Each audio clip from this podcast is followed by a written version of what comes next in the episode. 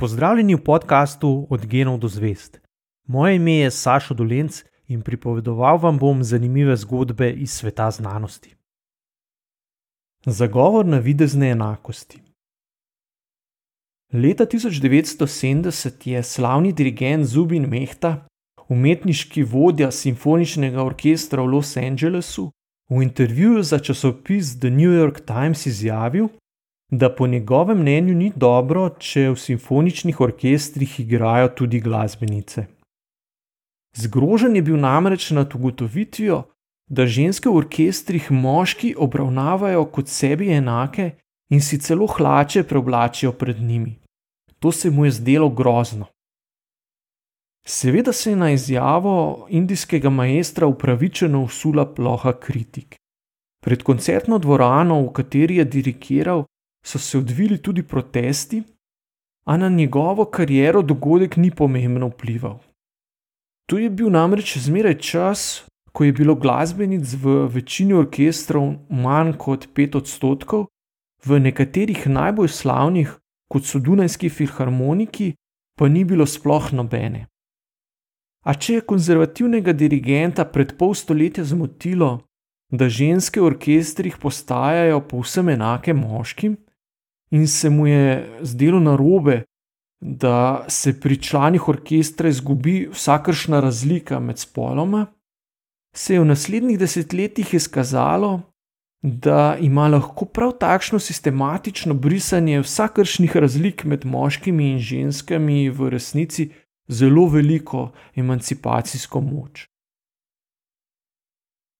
Če je bil v začetku 70-ih let 20. stoletja delež glasbenic v najbolj znanih orkestrih še zelo majhen, se je kmalo zatem začelo razmerje v zastopanosti obeh spolov strajno spreminjati.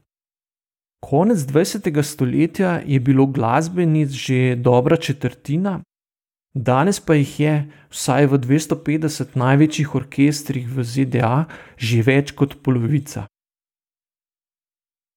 Ker tako očitnega napredka glede izenačitve zastopanosti spolov, kot smo mu bili priča v simfoničnih orkestrih, na večini drugih področji, vsaj na globalni ravni, ni bilo mogoče zaznati, se velja vprašati, kaj je bilo v tem primeru drugače.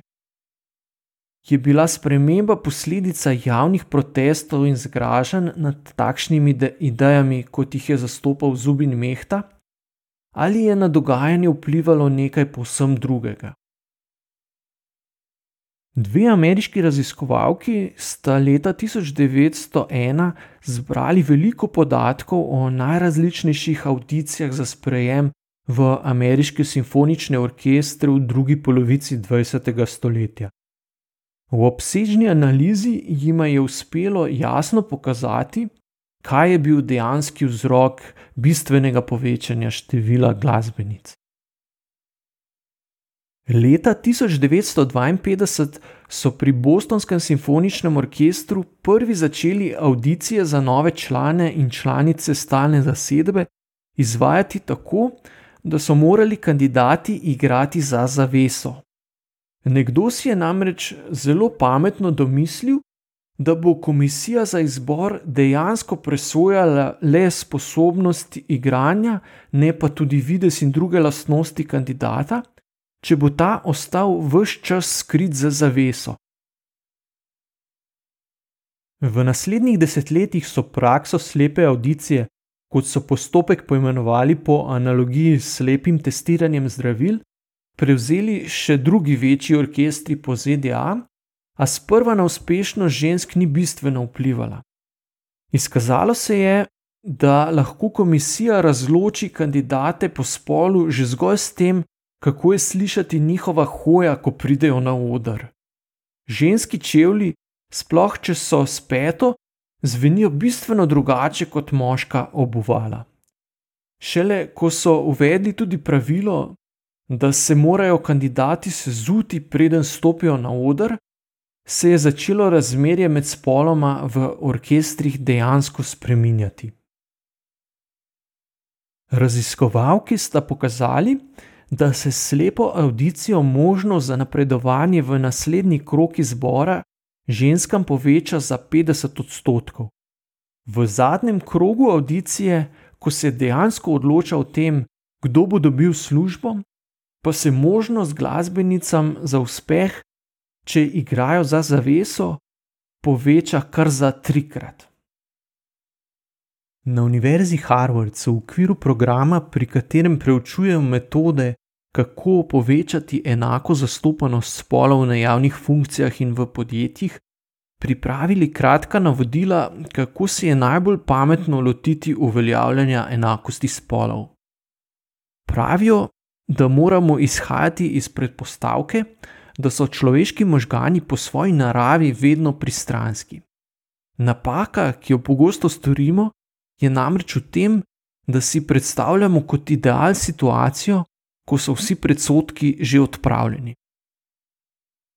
Žal se pristop, pri katerem poskušamo s kaznovanjem, smešenjem in zasmehovanjem spremeniti tiste, ki izražajo predsotke, praviloma ne obnese, če na drugi strani ni posameznika ali organizacije, ki bi bila tako ali drugače odvisna od tega, kakšen ugled ima v javnosti.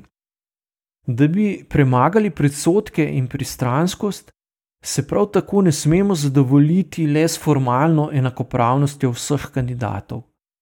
Tudi če so vsi ljudje pred zakonom in v postopkih povsem enakopravni, je pomembno predvsem, da že vnaprej onemogočimo, da bi predsotki sploh vplivali na odločanje.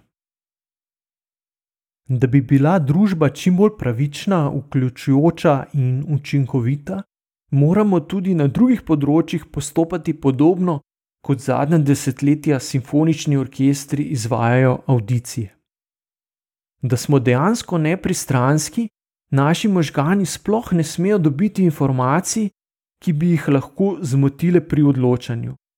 Zauzemati se je treba za takšne postopke izbora, pri katerih ne bo zagotovljena le enakopravnost, ampak tudi dejanska enakost vseh kandidatov in kandidatk. Glede članstva v orkestrih so bili moški in ženske, vsaj na papirju, že dolgo enakopravni, izjema so bili le Dunajski filharmoniki, kjer so po ostrih protestih in grožnjah z bojkotom šele leta 1997 formalno omogočili sprejemanje glasbenic. Razmerje med spoloma se je začelo izenačevati šele, ko so za zaveso postali glasbeniki in glasbenice tudi dejansko enaki v vsem drugem, kot le v igranju inštrumenta. To je bil podcast Od genov do zvest. Moje ime je Sašo Dolenc in z novo zgodbo se vam oglasim že k malu.